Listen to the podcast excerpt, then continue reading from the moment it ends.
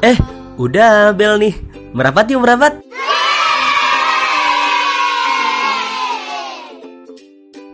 Oke, halo. Balik lagi bersama saya, Maruf El Munir dalam podcast Pikir-Pikir Lagi. Jadi, untuk teman-teman yang baru saja bergabung dengan podcast Pikir-Pikir Lagi, podcast ini adalah podcast yang banyak membahas tentang kepemudaan, pengembangan diri, psikologi, dan juga kesehatan mental. Episode 38, Positive Thinking. Di episode ini, gue akan membahas tentang bagaimana kekuatan dari pikiran. Dari sana, gue pengen ngajak lulu semua nih pendengar gue untuk mencoba mempraktekkan dan juga mengamalkan. mengamalkan gimana sih caranya positive thinking di segala situasi, di segala kondisi. Nah, tentu lu semua akan ngerasa ini menjadi topik yang sangat menarik dan juga penting begitu ya. Jadi, lu harus stay tune pokoknya sampai ujung episode ini. Dan kalau semisal lu buat kesimpulan-kesimpulan yang mungkin bisa didiskusikan silahkan nanti. Oke makanya simak selengkapnya ya. Langsung aja kita mulai.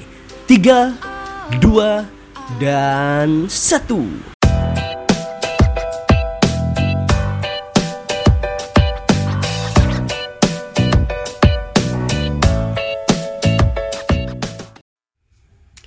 Oke, halo. Ya, episode kali ini adalah episode yang gue rasa menarik di, di situasi dan kondisi yang baru menurut gue. Kenapa gue bilang baru? Karena kita ini kan dalam rangka new normal. ya, dalam rangka new normal ini banyak sekali memang perubahan yang kita rasakan gitu ya. Mulai dari budaya-budaya kita belajar, kita bekerja, dan kita bermain mungkin. Banyak banget. Salah satunya kalau gue ini ceritanya gue baru pindah kontrakan. Ya mungkin suasananya lebih mendukung gue ini kalau misal lu denger ini suaranya lebih lebih jernih. Karena apa? Karena emang di sini nggak begitu rame begitu. Jadi yang bikin rame ya gue doang sendiri di sini. Oke okay, di episode kali ini seperti tadi gue bilang gue akan membahas dari bagaimana sih berpikir itu. Atau mungkin bagaimana sih kekuatan dari berpikir itu. Yang pengen gue bilang ya, ini akan banyak sekali dan lebar sekali pembahasannya terutama mungkin kalau semisal dari latar belakang gue mungkin nanti gue akan banyak, uh, sedikit banyak membahas tentang uh, apa namanya tuh mungkin kalau gelombang gelombang otak tuh udah pernah dibahas lah ya. Tapi nanti kita coba bahas dari sisi-sisi yang lebih menarik gitu. Mungkin dari sisi Islamnya kemungkinan juga nanti gue bahas dari sisi energinya. Kemungkinan kita bahas juga dari sisi ya hal-hal yang berkaitan lainnya lah. Tapi kalau memang bicara kekuatan pikiran ada background gue yang menarik itu kan gue itu belajar hipnoterapi juga. Nah jadi memang di hipnoterapi kan itu banyak orang yang membahasnya tentang kita juga bermain dengan kekuatan pikiran. Nah, gimana sih sebenarnya hal-hal ini tuh terjadi? Hal ini tuh sebenarnya relate banget dengan yang namanya mental block. Nah, kalau mental block ini udah pernah gue bahas, jadi lu tinggal nge-rewind aja di episode-episode yang dulu-dulu itu lama banget itu 10 pertama setelah gue mental block di episode 67 kalau nggak salah 6 atau episode 7 nanti lu search dah tentang mental block nah kalau misalkan sedikit kita mundur tarik ke belakang gitu ya kaitannya dengan mental block.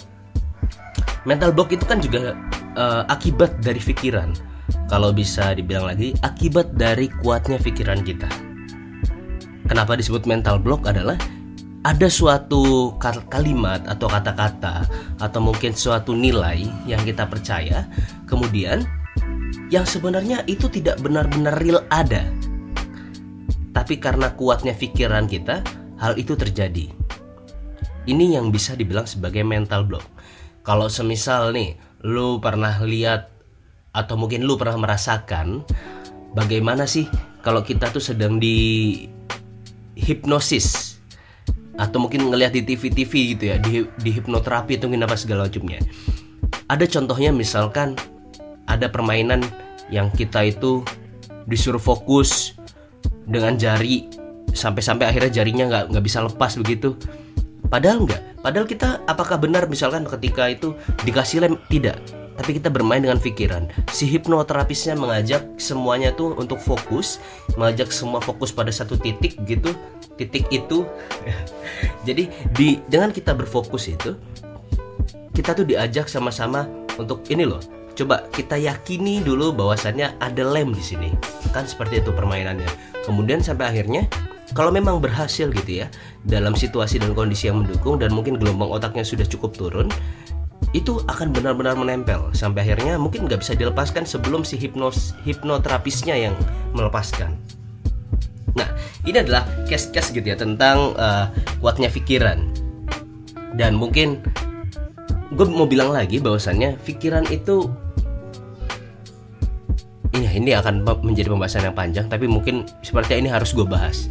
Kekuatan pikiran atau mungkin pikiran itu sangat berkaitan dengan energi. Wah ini kalimat apa? Energi itu apa? Nanti deh bahas tentang energi itu apa.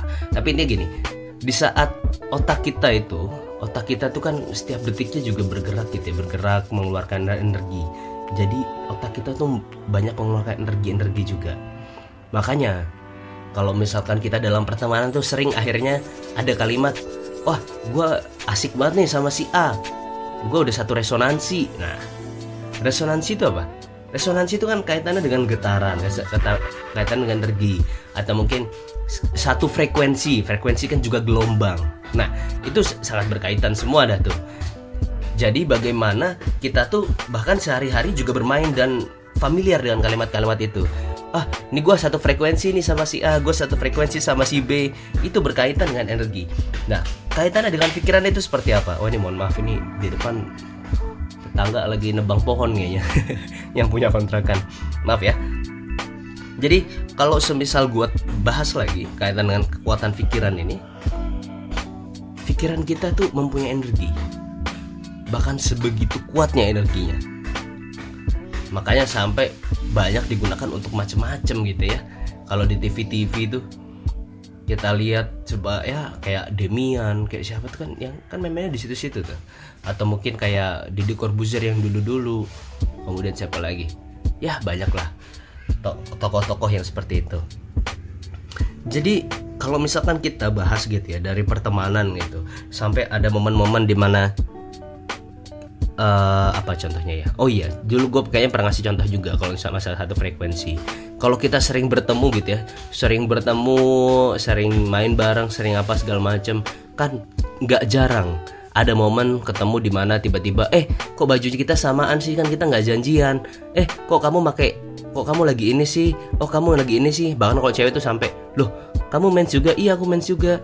Sampai ja, uh, uh, jadwal-jadwal mens itu bisa bersama. Yang sebenarnya dibalik itu semua bisa terjadi adalah yang menyebabkannya adalah energi jadi kalau seandainya kita sering ketemu atau mungkin sering berinteraksi, ada sesuatu yang bertukar. Ada sesuatu yang saling selaras. Yaitu apa? Energinya. Ini tuh kaitannya dengan kenapa sih kita tuh punya feeling sebegitu kuatnya dengan ibu gitu ya. Karena memang kita sudah sebegitu lama kita ada di apa di perut ibu, kemudian kita berada di sana 9 bulan setidaknya begitu. Kemudian kita dibesarkan juga berapa tahun dan segala macamnya. Makanya koneksi itu kuat. Koneksi itu kuat. Nah berkaitan dengan pertemanan tadi in, an, apa pun interaksinya bahkan bahkan nih ya gue sama lu yang mungkin gue nggak kenal lu gue nggak pernah ketemu lu tapi lu dengerin suara gue secara tidak langsung itu terjadi suatu penukaran energi. Atau mungkin ada sesuatu yang ya saling bertukar lah energinya seperti apa. Sama halnya kalau misalnya lu uh, mungkin apa nonton YouTube favorit atau mungkin uh, youtuber kesukaan lu pasti nanti akan ada saja momen-momen di mana lu meyakini apa yang youtuber itu sampaikan. Atau mungkin lu sampai secara tidak sadar gitu ya lu sampai ngikutin apa yang dia lakukan. Sampai di seperti itu. Nah oleh karena itu uh, berbicara tentang positive thinking gue nggak bisa lepas dari bicara tentang kekuatan pikiran. Kenapa gue bilang kenapa gue nggak lepas dari berbicara tentang pikiran? Pikiran itu karena saking kuatnya maka kita harus bisa mengendalikan kalau seandainya kita nggak bisa mengendalikan kalau semisal kita nggak tahu cara mengendalikan maka kita tanpa sadar kita menjadi sesuatu yang ya sudah instan dalam arti kita menjadi terbentuk dari hal-hal apa pun yang terjadi di sekitar kita. Dan kita nggak bisa mengkondisikannya. Padahal kita sangat bisa untuk mengkondisikan itu semua. Nah anggaplah begini kalau seandainya kita dalam kondisi di mana kita sebagai seorang anak yang biasa saja gitu ya kemudian kita suka nonton film suka nonton musik suka nonton pertunjukan musik kemudian apalagi suka main game dan segala macamnya. Yang perlu kita sadari kan kita pernah ya sama-sama tahu lah bahwasannya eh, lingkungan itu kan punya pengaruh yang besar pada diri kita. Sampai akhirnya bisa masuk ke dalam pikiran kita.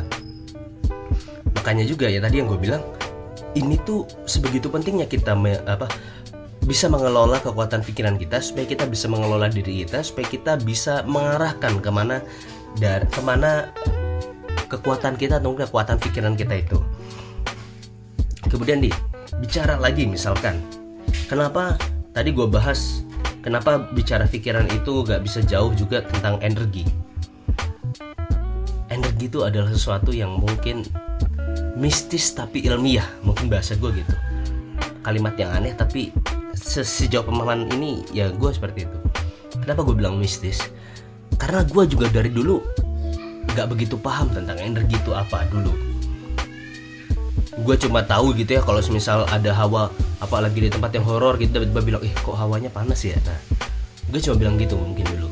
Atau mungkin ih kok perasaan gue nggak enak dulu itu adalah perasaan-perasaan yang apa kalimat-kalimat yang sering muncul gitu sebelum gua paham energi.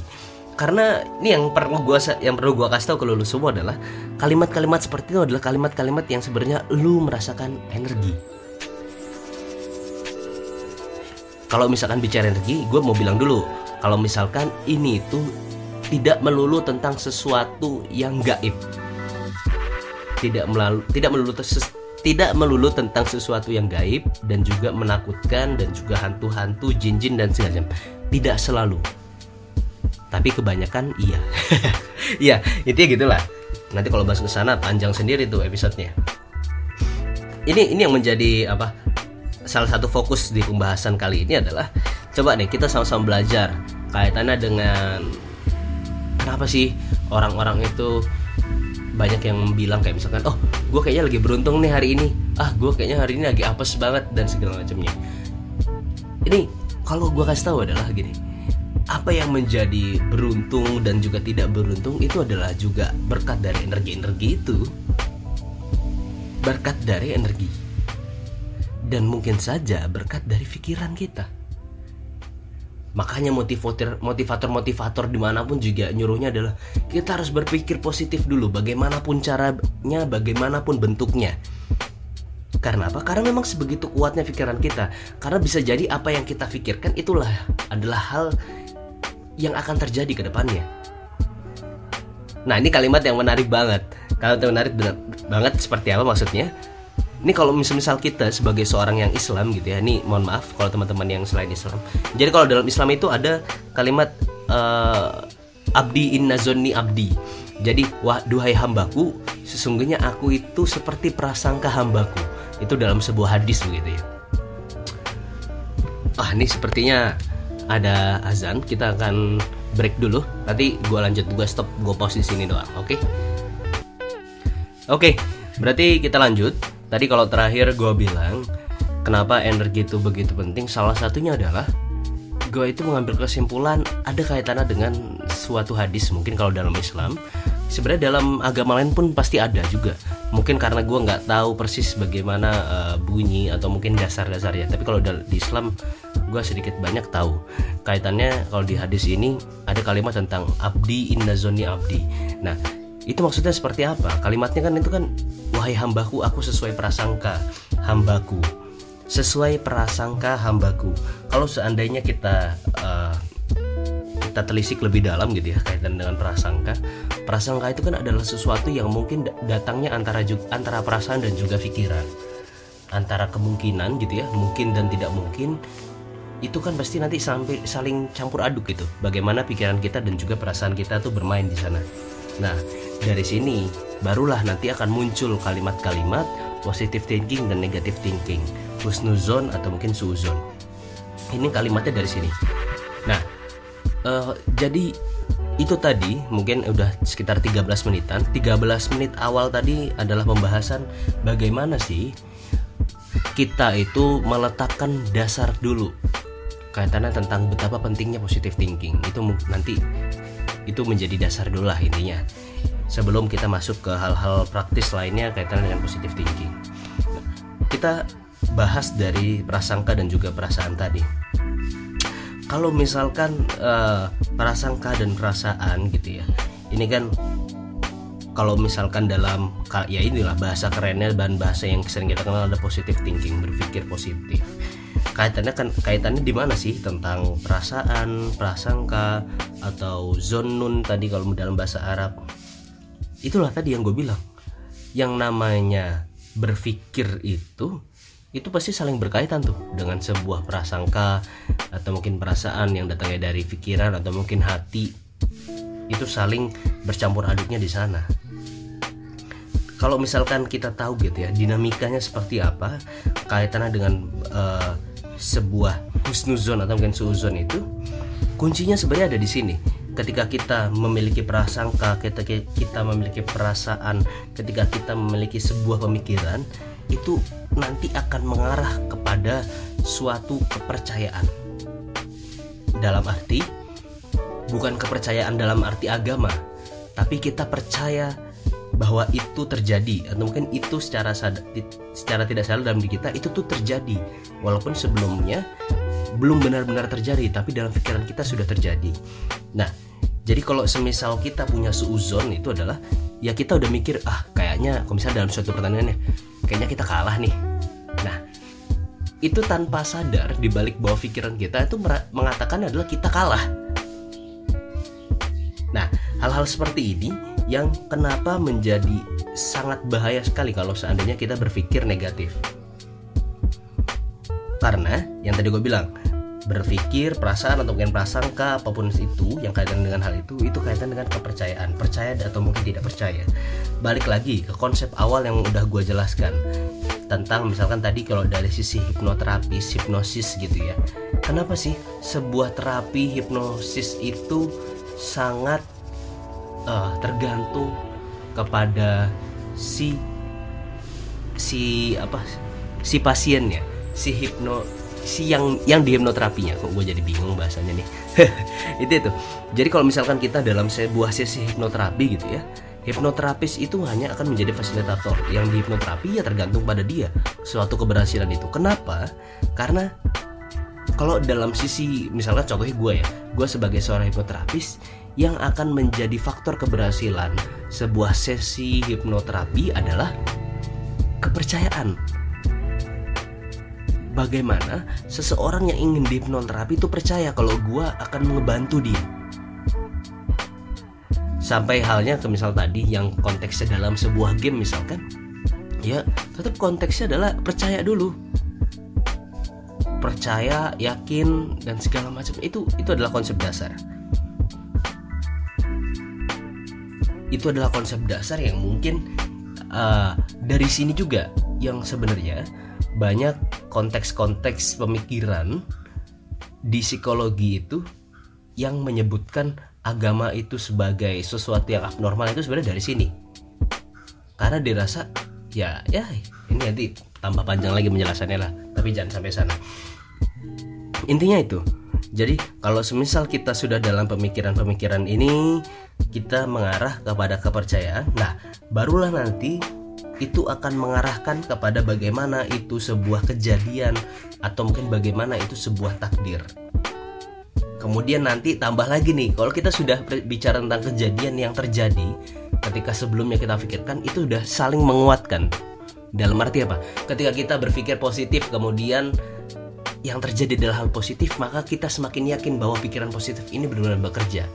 Tapi ada juga orang yang sebaliknya, ketika dia itu berpikir negatif, kemudian yang terjadi adalah sesuatu yang negatif juga, maka dalam pikirannya atau mungkin secara sadar dia akan bilang, tuh kan, bener pikiran gue, ternyata bener ini tuh nggak bakal terjadi. Ini tuh pasti akan gagal dan segala macamnya. Nah di sini ada konsep-konsep yang mungkin akan menjadi lebih penting lagi kaitan dengan pikiran tadi. Karena apa? Kalau sudah bicara suatu kejadian ketika bicara juga berposi berpikir positif positif thinking ini yang tadi gue bilang adalah sesuatu yang lebih besar daripada pikiran perasaan atau prasangka adalah energinya. Karena apa? Uh, jadi gue bisa bilang bahwasannya pikiran perasaan prasangka outputnya itu adalah energi. Outputnya adalah energi. Karena energi itu nantilah yang akan yang akan bekerja kalau dalam konsep energinya energi itu kan saling tarik menarik energi itu kekal. Energi itu saling menarik saling tarik menarik dan juga energi itu kekal. Saling tarik menarik itu seperti apa? Sama halnya ketika di mana pun gitu ya ada energi-energi yang di mana kita tuh entah kenapa bertemunya dengan orang-orang yang seperti itu aja. Di kondisi apa pun atau mungkin di tempat mana pun. Kita dipertemukan dengan orang-orang yang satu frekuensi dan segala macamnya secara lebih bekerjanya lebih kompleks lagi yang sebenarnya bekerja adalah energinya karena kita punya energi positif makanya kita menarik orang-orang yang positif itu adalah sebuah yang mungkin bisa dibilang hal-hal yang pasti itu seperti itu. Nah, kemudian kalau misalkan bicara tadi tentang penguatan juga ada suatu hal yang mungkin menjadi konsep penting dalam hal berpikir positif dan juga tentang energi tadi. Energi itu kekal. Kalau bicara tentang energi itu kekal, segala sesuatu itu ada energinya Makanya orang-orang Indonesia, orang-orang Jawa itu kan kuat banget dengan hal-hal seperti itu. Oh, ini ada baju dari kakek saya. Oh, ini ada sorban dari kakek saya. Oh, ini ada keris, ada pedang, atau mungkin ada apa lagi. Itu sangat kental. Karena apa? Karena ya memang bahasa mereka ya sebenarnya energi juga. Energi itu kekal. Makanya kalau misalkan dulu-dulu itu misalkan lu pernah megang apa, lu pernah megang ini, pernah megang itu, energi itu menetap di situ. Nah, makanya kalau sudah bicara hal seperti ini, bicara juga tentang penguatan tadi, yang pengen gue bilang adalah kaitannya dengan konsep keseharian kita, bagaimana kalau misalkan dalam tadi dalam rangka positive thinking itu diharapkan kepada sesuatu yang hasil akhirnya juga positif adalah hal lain yang juga bekerja selain tadi sebuah percaya adalah ada yang namanya doa. Jadi kalau misalkan gua gambarkan itu di paling kiri ada namanya berpikir, berprasangka atau mungkin apa e, perasaan. Kemudian ke kanan itu arah panah ke kanan, kemudian ada sebuah namanya sebuah kotak lagi namanya percaya. Tapi ada kotak lain di bawah percaya yang juga mengarah kepada kotak percaya itu sendiri adalah doa. Dan hasil akhirnya ke kanan tadi ya tadi gue bilang kejadian atau mungkin takdirnya nah kenapa gue bilang doa ini menjadi sebuah faktor penting juga. Karena doa itu adalah suatu usaha yang lain lagi. Sebelum karena ini kita kan nggak bicara tentang usaha ya. Kita nggak banyak bicara tentang usaha tapi kita banyak membahas tentang berpikir kemudian kaitannya dengan kepercayaan kemudian tentang energi juga. Walaupun nanti gue bahas sedikit kayak tentang usaha. Tapi gini doa itu begitu penting di agama apa pun doa itu kan menjadi sesuatu yang mendasar gitu ya. Berdoa sebelum makan berdoa sebelum masuk rumah berdoa sebelum masuk kamar mandi berdoa untuk mendapatkan rezeki berdoa untuk apa dan segala macamnya. Dan dari sana itu yang harus kita sadari adalah doa apa pun itu di agama apa pun itu semua mengajarkan kita untuk berpikir positif. Berpikir untuk berprasangka baik kepada siapa? Kalau lebih jauh memang kepada Tuhan. Tapi sebelum sampai sana kepada apa pun. Kita berprasangka baik pada apa pun berprasangka baik dengan siapa pun. Dan nanti konsep akhirnya ya yang tadi gue bilang konsep akhirnya adalah berprasangka baik di kepada Tuhan gitu. Karena di agama apa pun itu itu adalah hal yang mendasar gitu. Gimana sih? Coba anggap lagi nih mana mungkin kita itu bisa berdoa dengan baik dengan benar kalau seandainya kita tuh nggak percaya? Apakah bisa? Kalau seandainya nih ada seseorang yang agamanya A kemudian dia berdoa dengan cara B dengan Tuhan B. Bagaimana hasilnya? Pasti akan ada hasilnya juga terlepas itu dari baik atau buruk dan segala macamnya tapi dalam pikiran kita pasti akan berisik. Berisik dalam arti ngapain sih ini ini ini dan segala macamnya lain halnya kalau sudah satu frekuensi dari awal gitu ya. Kita agamanya A kita berdoa dengan cara A percaya sesuai dengan Tuhan A itu akan beda. Kemudian tadi kalau misalkan kita bicara tentang doa tadi doa itu kuat doa itu energi. Kenapa doa itu yang luar biasa itu adalah doa-doa yang turun temurun. Dalam arti gini loh. Semisal dalam konsep Islam itu kan banyak banget ya. Oh ini loh doanya Nabi Muhammad. Oh ini loh doanya Nabi Sulaiman. Oh ini loh doanya Nabi Ibrahim. Kenapa kita di, diajarkan seperti itu? Karena yang namanya doa itu kan tadi gue bilang itu energi. Apalagi kalau dari orang-orang yang spesial yang mungkin energinya tuh luar biasa sama di konsep-konsep agama lain pun juga akhirnya begitu. Dari pastor A, dari pastor B, dari seorang Buddha, dan segala macamnya itu pasti ada sebuah uh, bisa dibilang oh gampangnya gini sebutannya adalah mantra. Kenapa sih ada mantra? Mantra tuh energi. Oh, baca ini supaya kebal, baca ini supaya ini, baca ini supaya ini itu ada karena ada energinya wah nih sampai sampai kebal-kebal loh bicara ya tapi ini adalah konsep yang mungkin lu dan kita semua harus sadari. Bahwasannya berpikir positif itu sebegitu pentingnya. Sampai yang tadi gue bilang ini udah melebar ke mana-mana. Harapannya sih lu semua paham kenapa gue tuh suka banget bicara tentang berpikir karena memang banyak banget di sekitar gue yang gue risih juga capek ngomonginnya. Tapi bu semoga dengan ini jadi gue enak gitu ya kalau ketemu misalkan ketemu orang yang lagi yang dalam arti ngeselin gitu ya pola pikir dan segala macamnya gue tinggal nih dengerin podcast gue itu gitu. Nah itu tadi yang gue bilang adalah bahwasannya kejadian atau mungkin takdir itu itu adalah hal yang menjadi tujuan akhirnya daripada ber, daripada positive thinking. Jadi lo udah mulai paham lah ya dinamikanya kenapa positive thinking itu penting dan juga bagaimana prosesnya sampai akhirnya itu mungkin bisa terjadi sesuatu pada diri kita ya mungkin yang menjadi hal-hal baik harapannya begitu. Nah itu tadi pembahasannya. Ini mungkin terakhir deh ya biar nanti 30 menit aja. Kemudian terakhir adalah tentang gimana sih caranya kita itu secara praktikal mem, apa namanya memperhatikan positive thinking. Tips-tipsnya nih gue kasih tips ya.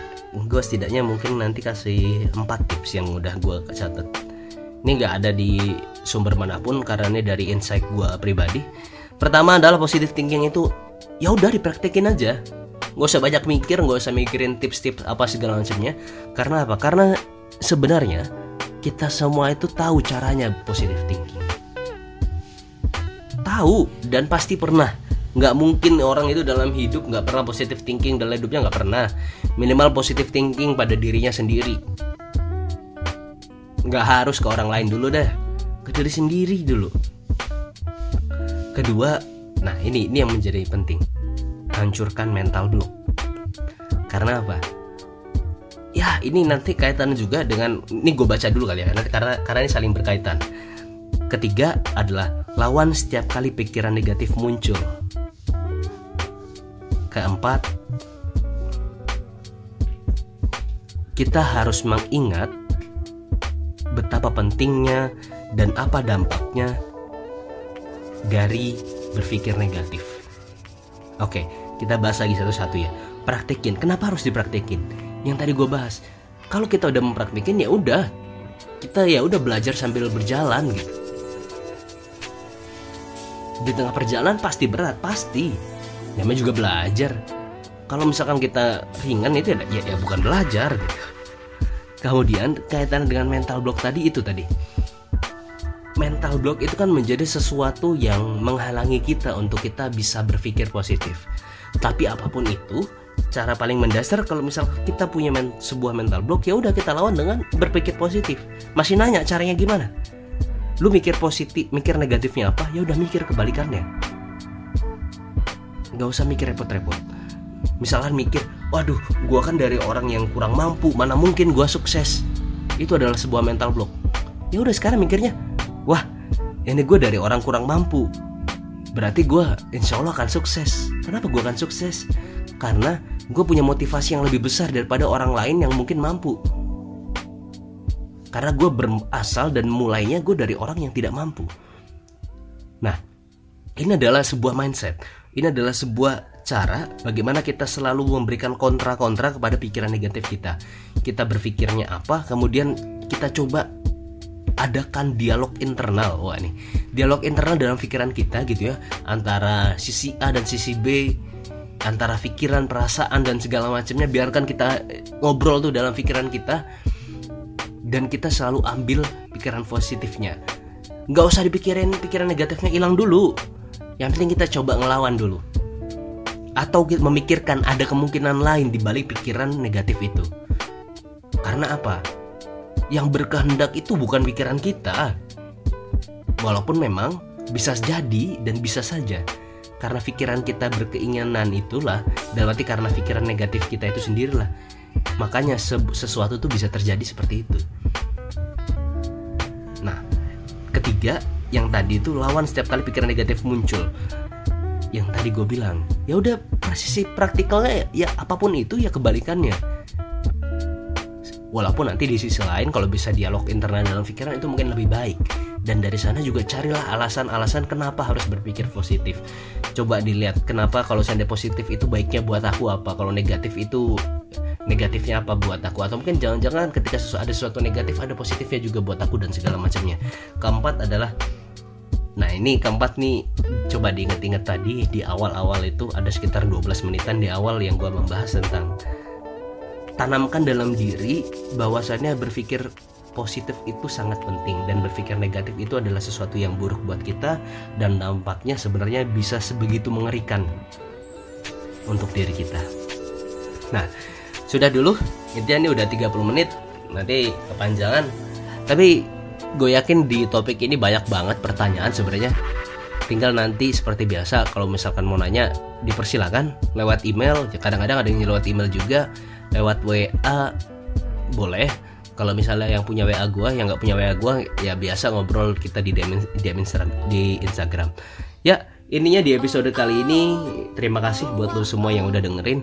Apalagi di sesi-sesi di mana ya mungkin gua sangat tidak bisa memuaskan lu semua karena banyak banget teman-teman itu yang selalu minta ke gua bang coba dong seminggu sekali seminggu sekali. Gue sempat sempat mau mengiyakan begitu ya di awal-awal bulan Januari ternyata semakin ke sini berat.